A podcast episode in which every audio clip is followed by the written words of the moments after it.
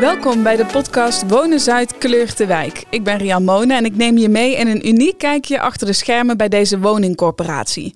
Het is de week van het huren. Het moment om in de wereld van het huren te duiken en te onderzoeken hoe Wonen Zuid bijdraagt aan kleurrijke, leefbare en veilige wijken en buurten en betaalbare woningen voor iedereen. Vandaag zit ik hier met twee gasten, Manon Reumkes van uh, Wonen Zuid en ook Yvette Dame van de gemeente Roermond. Welkom. Even een volledig rondje, stel jullie even voor. Ik, eh, ik ben uh, Yvette Dame, ik werk als uh, schuldhulpverlener bij de gemeente Roermond. En ik ben Manon Reumkes en ik werk als medewerker in Kasso bij Wonen Zuid. Hoe ziet jouw dag eruit? Hoe ziet mijn dag? Mijn dag is nooit hetzelfde. Ik s ochtends op en dan heb ik een hele planning in mijn hoofd van nou dit en dit en dit ga ik doen. En uiteindelijk kom ik er s'avonds achter dat ik uh, helemaal niks ervan gedaan van heb. alles heb gedaan, maar niet, niet dat wat, uh, wat in de planning lag. Ja. Mijn dag wordt heel erg geleid door de telefoon eigenlijk en, en de e-mail en de post die, die komt. Ja. Dus, uh, ja. Dat klinkt voor jou wel herkenbaar misschien, Yvette? Ja, heel herkenbaar. ja, absoluut. Hoe ja. ziet jouw dag eruit? Ja, ook een beetje hetzelfde. Hè? Dat je op een begin van de dag een hele planning hebt en dat je op het eind van de dag denkt, oh ja, wat heb ik eigenlijk allemaal gedaan? Oh, misschien na twee dingetjes. En de rest, uh, ja, alles komt tussendoor. Inderdaad, telefoon of collega's of... of Noem maar op. Ja. ja. Maar je geeft aan, mijn dag wordt een beetje geleid door de telefoontjes. Maar neem me even mee in de inhoud daarvan. Waar gaat jouw werk over?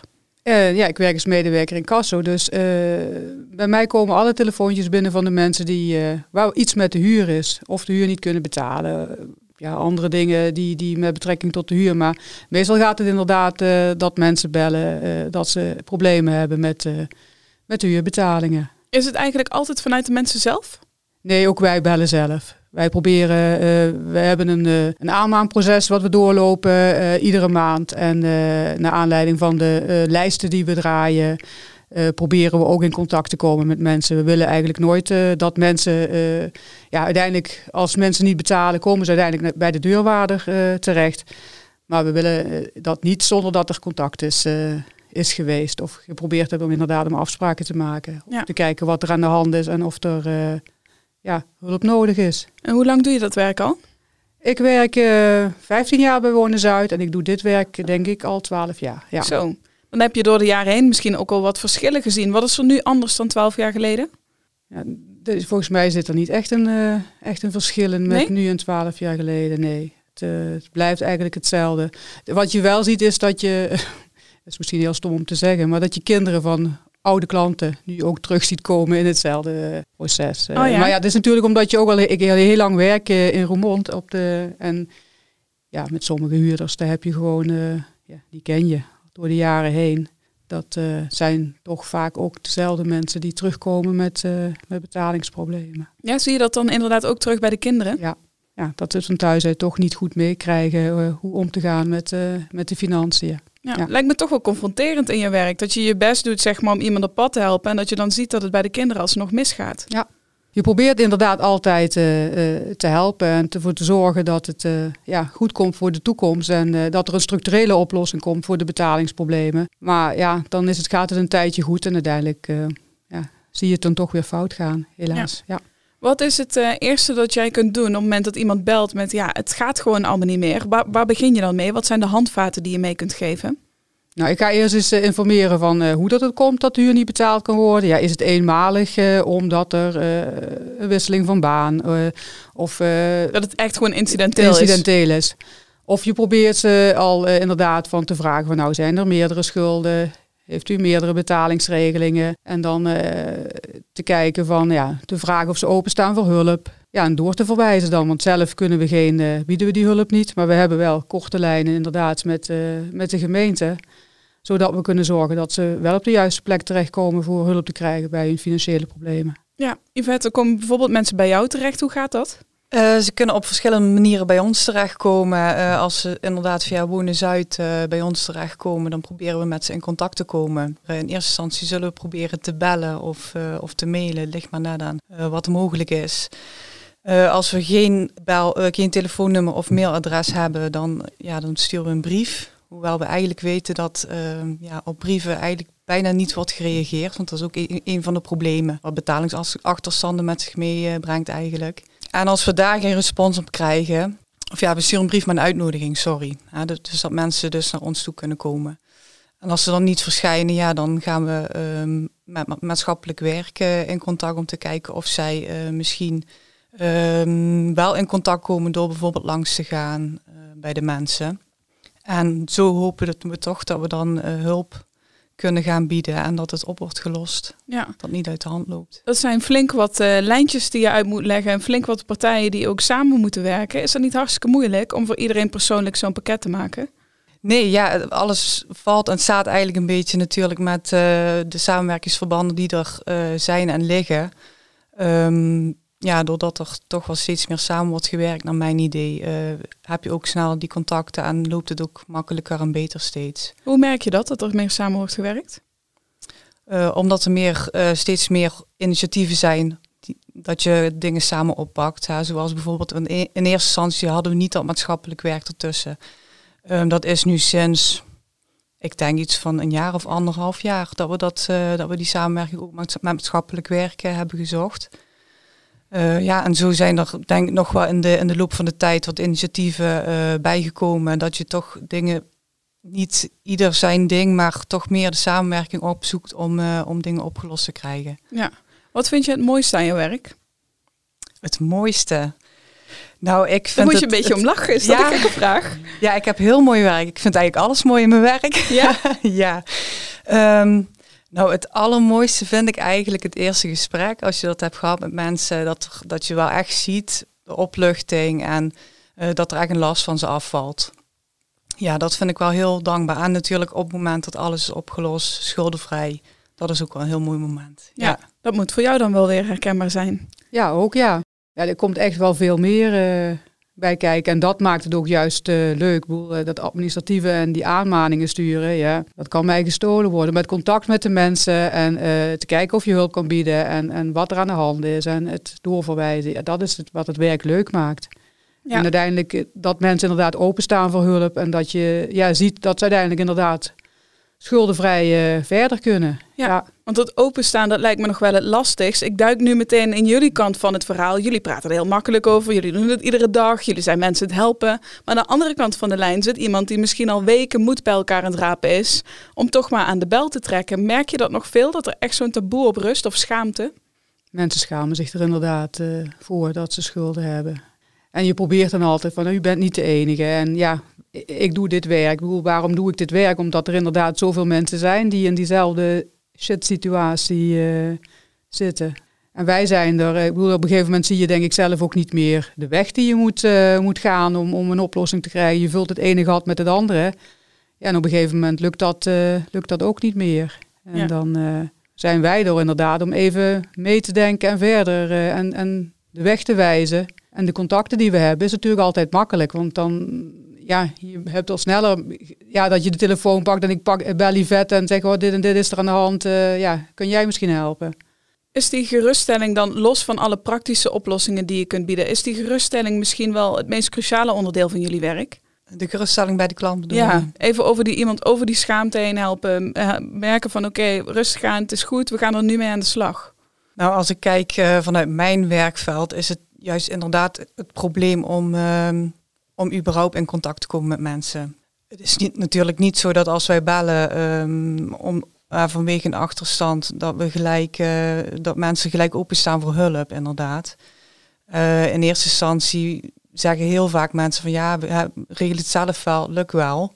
Dus dat is inderdaad, je hebt wel een beetje vertrouwen nodig en geruststelling nodig om die mensen zover te krijgen dat ze ook hulp accepteren. Ja. Uh, dat is ook een beetje het, het, lastige, maar ook wel, denk ik, een uitdaging uh, wat binnen mijn werk uh, ligt. En welke rol speelt Wonen Zuid voor jou? Sowieso verbinder, denk ik ook wel. Ja, want het is natuurlijk zo, op het moment dat, dat ik echt geen contact zou krijgen, zou ik eventueel ook nog met Wonen Zuid kunnen kijken of we samen nog in contact komen. maar buiten, um, buiten incasso, ja, Wonen Zuid is ook partner in, uh, in het vangnet. Um, elke gemeente heeft een vangnet. Wij hebben dat geregeld uh, met een aantal ketenpartners, dat we bij elkaar komen. En Wonen Zuid heeft daarin de rol dat ze ook vooral de, de daarin melden. Um, dus dat is voor ons als gemeente denk ik ook wel een hele belangrijke um, iets om te kijken dat er zorg komt. Um, misschien of om de uithuiszetting te voorkomen, of in ieder geval dat als, als de dag komt dat mensen op straat komen te staan, dat er wel iets of iemand is die, die ze in ieder geval kan begeleiden. Of, of ja, dat ze niet zomaar uh, ja, zonder iets zitten. Hoe zie jij die samenwerking, Manon? Ja, ook uh, waardevol is de samenwerking. In ieder geval uh, wij zijn er natuurlijk ter voorkoming van het huiszetting. Uh, uh, dat is de grootste taak van onze afdeling. Ervoor te zorgen dat mensen niet op straat komen te staan. Ja, om dan te schakelen inderdaad met de gemeente en te kijken dat er ja, dat je samen kunt kijken dat er hulp komt. En vaker is, uh, is er ook wel uh, iets meer nodig. En moeten wij uh, ja, toch een beetje de boze rol aannemen en toch gewoon door gaan zetten. We proberen altijd door te verwijzen voordat er een deurwaarder in het spel komt. Maar soms ja, zijn mensen niet gemotiveerd en denken, oh, dat gaat toch niet gebeuren of ik weet niet. En dan ja, komt het uiteindelijk wel tot een ontruiming. Dan ja, staan ze eigenlijk op dat moment pas echt open voor hulp. En soms is dat dan inderdaad nodig om, om die hulp, dat ze die hulp aanvaarden, zal ik zeggen. Dus uh, dat je het inderdaad uh, zo ver laat komen dat je een ontruiming aanzegt. Ja, maar voor de mensen die niet helemaal weten hoe dat proces werkt, neem me even mee naar de stappen tot ontruiming, zeg maar. Wat zit daar allemaal aan vooraf? Uh, voor, ja, voor een ontruiming heb je een vonnis nodig van de rechter. Je hebt drie maanden huurachterstand. Die moeten er minimaal zijn, anders krijgen we bij de rechtbank geen ontbinding van de huurovereenkomst. Uh, ja, hoe is het proces vooraf? Uh, we hebben een heel aanmaanproces. Uh, een eerste aanmaning, een tweede aanmaning. Dan zit je nog in de eerste maand. De huur moet voor de eerste van iedere maand bij ons binnen zijn. Dus is die huur niet betaald in, die, in die maand, heb je twee brieven gehad. Er komt een tweede maand bij. Dan sturen wij een brief waar we aankondigen van nou, is nu niet binnen 15 dagen betaald, dan komt er dit aan kosten bij. Maar dat is ook het moment dat wij uh, een seintje sturen, uh, geven richting de gemeente. Van hé, hey, let op, deze huurder heeft bij ons op dit moment uh, twee maanden huurachterstand. En dan ja, zijn zij aan zet om te kijken inderdaad of zij in contact kunnen komen. En om te kijken ja, hoe verder en of er inderdaad contact komt, kijken welke afspraken dat we kunnen maken om, om die overdracht aan de deurwaarder te voorkomen. Ja, gebeurt dat niet en komt die derde maand erbij, dan ligt het er een beetje aan van ja, wat op dat moment de stand van zaken is. Van ja, is er hulp, komt er hulp? Dan willen we nog wel even wachten met het uh, overdragen, maar is er helemaal niets? Ja, dan gaan wij inderdaad aan onze deurwaarder vragen van, uh, om een procedure op te starten, zodat we kunnen gaan ontruimen. Maar ook dat wil niet zeggen dat als uh, dat vandaag naar de deurwaarder gaat, dat je morgen op straat staat. Want daar gaat nog ja, een rechter moet eerst uitspraak doen. En daar gaat meestal ook nog wel een maand overheen voordat je uiteindelijk een uitspraak hebt. En dan moet er nog een ontruiming gepland worden. En ja, in die tijd kan er nog van alles, uh, van alles gebeuren. Ja, dus er is toch wel een proces van een paar maanden die bij iemand, dat bij iemand kan spelen. Op welk moment in dat proces meldt iemand zich bij jullie? Zien jullie van, oh, er is best wel, de meeste mensen komen meteen op het begin uh, aan de bel trekken, of juist naar die tweede maand, of als ze die derde maand aanzien komen, is er een soort van uh, overgrote meerderheid, of is het echt enorm wisselend wanneer mensen aan de bel trekken? Het is enorm wisselend en melden ze zich maar allemaal als ze één maand hadden. Want dan, dan is het nog te overzien. Eén maand huurachterstand, dan zit je 550 tussen de 5 en de 700 euro. Dat is nog een bedrag wat wat te overzien is om terug te betalen in termijnen bijvoorbeeld. Maar ja, ga je op twee maanden af, op drie maanden, dat is voor mensen met een heel klein inkomen ja, al heel moeilijk om dat uh, ja, terug te gaan betalen. Ja. We hebben het heel even gehad over die schaamte. Die blijkt dus ook hierbij te spelen. Daarom melden mensen zich zo laat. En eigenlijk is het bij jullie dan al zover dat er een drempel over is gegaan. Hoe zouden we daarvoor nou al aan die schaamte kunnen werken. Of daarvoor al mensen er zover kunnen krijgen dat ze eerder erover durven te praten. Daar hebben jullie natuurlijk al jaren afgevraagd. Ja. Als daar een oplossing voor was, dan was die al lang gevonden misschien. Maar ik vind het toch wel interessant om het er even over te hebben. Kunnen we daar iets aan doen? Ja, het is een hele lastige vraag. En uh, volgens mij zijn, zijn we in schuldhulpverlening, ah, schuldhulpverleningsland al heel lang bezig om om te kijken hoe je mensen eerder, ehm, ja, eerder uh, bij ons krijgt, zeg maar. Eerder, dat ze eerder aan de bel trekken. Blijft lastig. Ik denk misschien om er meer over te praten, dat die taboe een beetje eraf gaat. Uh, inderdaad, laten merken dat je niet alleen staat, want mensen, mensen voelen zich vaak gewoon heel alleen. Terwijl als je kijkt, ja, er zijn zoveel mensen die het overkomt. En ja, soms hebben ze schuld, soms ook helemaal niet. Ja, er zijn ook mensen die, die, uh, die eigenlijk geen schuld hebben aan het, het ontstaan van de schulden omdat ze gewoon in bepaalde uh, situaties zijn gekomen waar ze echt niks aan hebben kunnen doen. En het zit nou eenmaal in mensen om, om eerst proberen alles zelf op te lossen. Ehm, ja, of je dat ooit echt eruit krijgt. Maar ik denk vooral om het er meer over te hebben. Om, ja, als, als we dat zouden doen, hoop ik dat het daarmee wat, wat, ja, wat minder, ehm, dat de drempel wat minder hoog is om, om, zich toch, om zich toch eerder te denken van ja. Wat is de veelgestelde vraag die jullie krijgen? Dan kan ik een betalingsregeling krijgen, denk ik bij ons, ja. En dan uh, probeer ik toch altijd, want je krijgt niet zomaar een betalingsregeling. Het is niet dat je die niet krijgt, maar ik wil toch altijd dan inderdaad graag weten waarom. Wat is er aan de hand? Waarom kan de huur nu niet betaald worden? Maar inderdaad ook meer om een beetje de situatie in te schatten en of er niet meer ja, speelt. Want als de huur niet betaald kan worden, ja, dan zijn vaak ook al allerlei andere dingen die niet betaald uh, zijn. Dus ik probeer ook inderdaad een. Ja, het ligt natuurlijk aan wat de mensen antwoorden. Als ze zeggen van nou ja, ik ben op vakantie geweest en ik, ja, het is allemaal een beetje duurder geworden. Ja, dan ben ik niet, dan zal ik uiteindelijk misschien toch wel een regeling treffen. Terwijl ik dan denk van ja, dat had je zelf wel kunnen voorkomen. Want het is een beetje budgetteren wat je moet doen. Maar aan de andere kant, als ze iets anders aangeven, dan probeer ik, ja, heeft u, zijn er nog meerdere achterstanden? Eh, bij de energie of bij het ziekenfonds. Of, uh, heeft iemand, of vaker zeggen ze al, ik heb daar en daar ook al een regeling. En dan denk ik al van, ja, er is toch al, uh, er is toch al meer aan de hand. Of als het, de huur niet betaald kan worden omdat er een beslag ligt op het inkomen. Ja, dat wil ook zeggen dat er al meer aan de hand is. Dus dan probeer je toch inderdaad het gesprek aan te gaan van, nou, ik, zo te horen is er meer aan de hand. ja, zou het niet fijn zijn als we daar samen kijken dat daar een oplossing voor kan komen. En ja, dat biedt ook rust, hè, want mensen zeggen dan vaak al, oh, ik heb de hele nacht niet geslapen. En dat zijn ook de mensen die s ochtends om half negen gelijk al aan de telefoon hangen van, uh, ja, dan denk ik van, ik kan me dat best wel voorstellen dat als je de huur niet kan betalen, dat je daar een nacht van uh, wakker ligt en denkt van, oh, moet morgen gaan bellen en wat zullen ze wel niet zeggen. En, maar ja, je kan beter bellen als je één maand niet kan betalen, dan helemaal niks laten horen en dat het er dan drie zijn. Want dan is het probleem veel groter. Ja. Dan hebben we het gehad over uh, ja, de werkkant van dit alles. Hoe loopt het proces? Maar er zullen door de jaren heen toch ook wel een aantal verhalen zijn, persoonlijke verhalen, die bij jullie zijn blijven hangen. Heb je daar een voorbeeld van? Ja, wat, wat, mij als eerste te binnen schiet, en dat heeft ook wel heel veel indruk op mij gemaakt, uh, is iets wat het uh, afgelopen jaar heeft gespeeld bij een oudere dame. die altijd keurig de huur betaalde.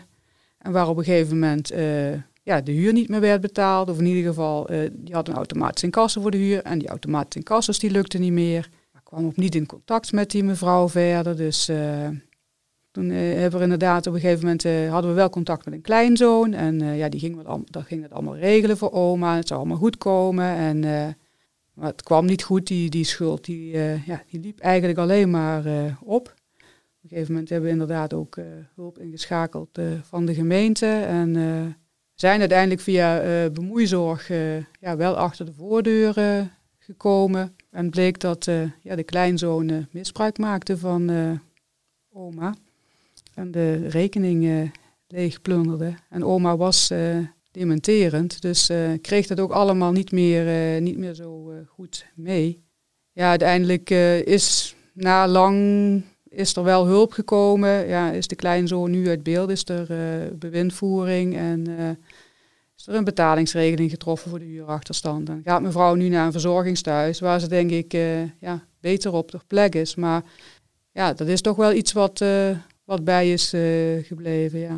En dat heeft ook recent gespeeld, een jonge jongen. Waar ook met psychische problemen. En ja, ook niet meer in contact te komen. Ook verschillende keren gemeld bij, uh, bij de hulpverleners. Uh, er is op een gegeven moment zelfs hulpverlening opgestart die er iedere dag aan de deur ging om te kijken of er een contact. Ja. Dus helaas heeft het allemaal niet, uh, niet mogen baten. En hij is twee weken geleden helaas ontruimd. Maar hopelijk nu komt hij wel op de juiste plek terecht. Soms is dat ook wel nodig om, om iemand dan wel eh, op een juiste plek terecht te krijgen. Hij is volgens mij op dit moment opgenomen in een, een instelling. En ik hoop dat ze hem daar weer een beetje ja, op de goede weg kunnen krijgen. Ja. ja, op die manier moet je er ook wel naar kijken, neem ik aan. Want je kunt het ook niet allemaal mee naar huis nemen, die verhalen. Nee, er zijn natuurlijk verhalen. En ik heb, weet ze nu niet, maar er zijn wel eens dingen, casus inderdaad, waar ik s'nachts denk van shit, ja. En ik vind het natuurlijk ook uh, waar uiteindelijk wel een ontruiming komt, bijvoorbeeld. Hè. En uh, ja, soms is het gewoon niet te voorkomen. En dan is het niet, ja, dat, daar, daar moet ik dan s'nachts nog wel eens aan denken. Dan denk ik van shit, ja, die mensen staan nu op straat. Stel je voor, hè, je hebt op één keer geen huis meer. Ja, dat is toch verschrikkelijk. Dan uh, geen dak meer boven je hoofd.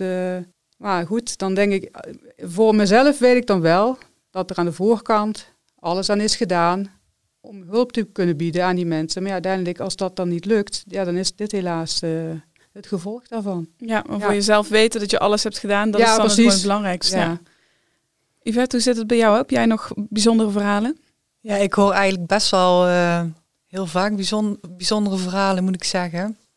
Ik vind eigenlijk bijna altijd, uh, als iemand zich meldt, er zit altijd wel een verhaal achter. Um, maar wat mij eigenlijk toch wel het meeste aangreep, wat ik even zo uit mijn herinnering haal, is dat ik laatst um, ja, een, stelletje, en ze hadden allebei hebben ze een, een schuldregeling lopen. Dus een schuldsanering. Uh, hebben ook jonge kinderen nog. En meneer die was nu klaar met de schuldsanering en mevrouw die moest nog een jaar. En op een gegeven moment had ik haar gesproken en tijdens het gesprek gaf ze aan van, goh, nu hebben we in ieder geval wat meer financiële ruimte. Nu kunnen we ook wat met de kinderen gaan doen. En het was de eerste keer dat ik dan ook dat ze kleertjes echt kon kopen voor de kinderen in plaats van dat ze het uh, gratis uh, via social media kregen. Ja, daar kreeg ik toch wel een beetje kippenvel van. Dan denk ik van, nou ja, zie je, dat zijn wel weer die momenten dat je denkt van, oh ja, je doet echt wel iets, uh, iets goeds voor, voor mensen en je betekent ook echt wel wat. Je kunt perspectief bieden weer. Ja, dat vind ik ook wel ja, belangrijk. En zo zijn er denk ik nog heel veel, heel veel momenten dat ik denk van, um, ja, die toch wel heel erg aangrijpend zijn ook. En die, maar ik kan ze nu, ja, het zijn er volgens mij te veel om op te noemen. Ja. Wil ik jullie nog graag een aantal vooroordelen voor de voeten werpen. Eén daarvan haakt daar wel een beetje op in. Jullie zitten daar om geld te innen en hoe het persoonlijk met die mensen gaat, maakt jullie helemaal niks uit. Nee, dat is niet waar. Hoor je dat wel eens? Ja, vaak. Ja, ik zit er niet voor het geld in. Ja, tuurlijk wel. Dat is uh, een van mijn taken. Daarvoor ben ik er. Maar uh, ja, we zijn een sociale coöperatie. Het is wel de bedoeling dat we ook inderdaad naar het sociale aspect uh, kijken. En inderdaad kijken dat we ja, iets meer kunnen doen. We hebben toch natuurlijk te maken met mensen die in een ja, lagere inkomensgroep zitten. Dus daar zul je toch je oplossing voor moeten zoeken. Moet je mensen wel eens uitleggen wat je doet? Ja, eigenlijk continu. Als ik kijk uh, op het gebied van schuldhulpverlening, is het vooroordeel dat op het moment dat je bij mij meldt, dat je geen auto mag rijden, uh, dat je bijna geen geld meer krijgt en dat je heel veel dingen niet meer mag. um, dat is ook denk ik een reden waarom dat mensen zich uh, vaak laat bij ons melden, omdat ze inderdaad dat vooroordeel hebben. Terwijl, omdat ze ja, dan bang zijn dat ze ergens geregistreerd worden en dan niks meer mogen? Of... Oh ja, dat ook. Daar had ik nog niet eens aan gedacht, aan de BKR. Maar nee, vooral dat ze zelf, uh, dat, ja, dat ze de dingen die ze dan nog, uh, bijvoorbeeld die auto, wat ze nodig hebben, dat ze die in één keer weg moeten doen, dat ze geen auto meer hebben. En denken, ja, hoe ga ik dat dan doen? Um, of dat ze in één keer denken, ja, dat ze geen geld meer hebben om boodschappen te doen, of in ieder geval heel weinig geld. Uh, maar wat mensen zich vaak niet realiseren is op het moment dat ze zelf hun financiën uh, beheren. Of in ieder geval dat, er, dat ze dan waarschijnlijk nog uh, financieel nog slechter erbij zitten dan op het moment dat ze bij ons zich melden. Want wij kunnen wel ook vaak wat doen aan het inkomen. Hè. Meestal ligt er te veel beslag, dus dan krijgen ze eigenlijk al veel te weinig geld. Niet iedereen die zich bij ons meldt, die hoeft in een schuldsanering. En dat, dat, dat idee dat heerst er volgens mij wel. Het is natuurlijk uh, ook een taak van de corporatie om ervoor te zorgen dat de mensen prettig leven in hun huis. En uh, dat, uh... Het gaat veel verder dan die cijfertjes. Ja, veel verder. Ja. Je hebt geluisterd naar de podcast Wonen Zuid kleurt de wijk. In gesprek met Manon Reumkes, medewerker in Kasso van Wonen Zuid. En Yvette Dame, medewerker van de gemeente Roermond. In de week van het huren lanceert Wonen Zuid de podcast Wonen Zuid kleurt de wijk. Luister alle afleveringen via Spotify.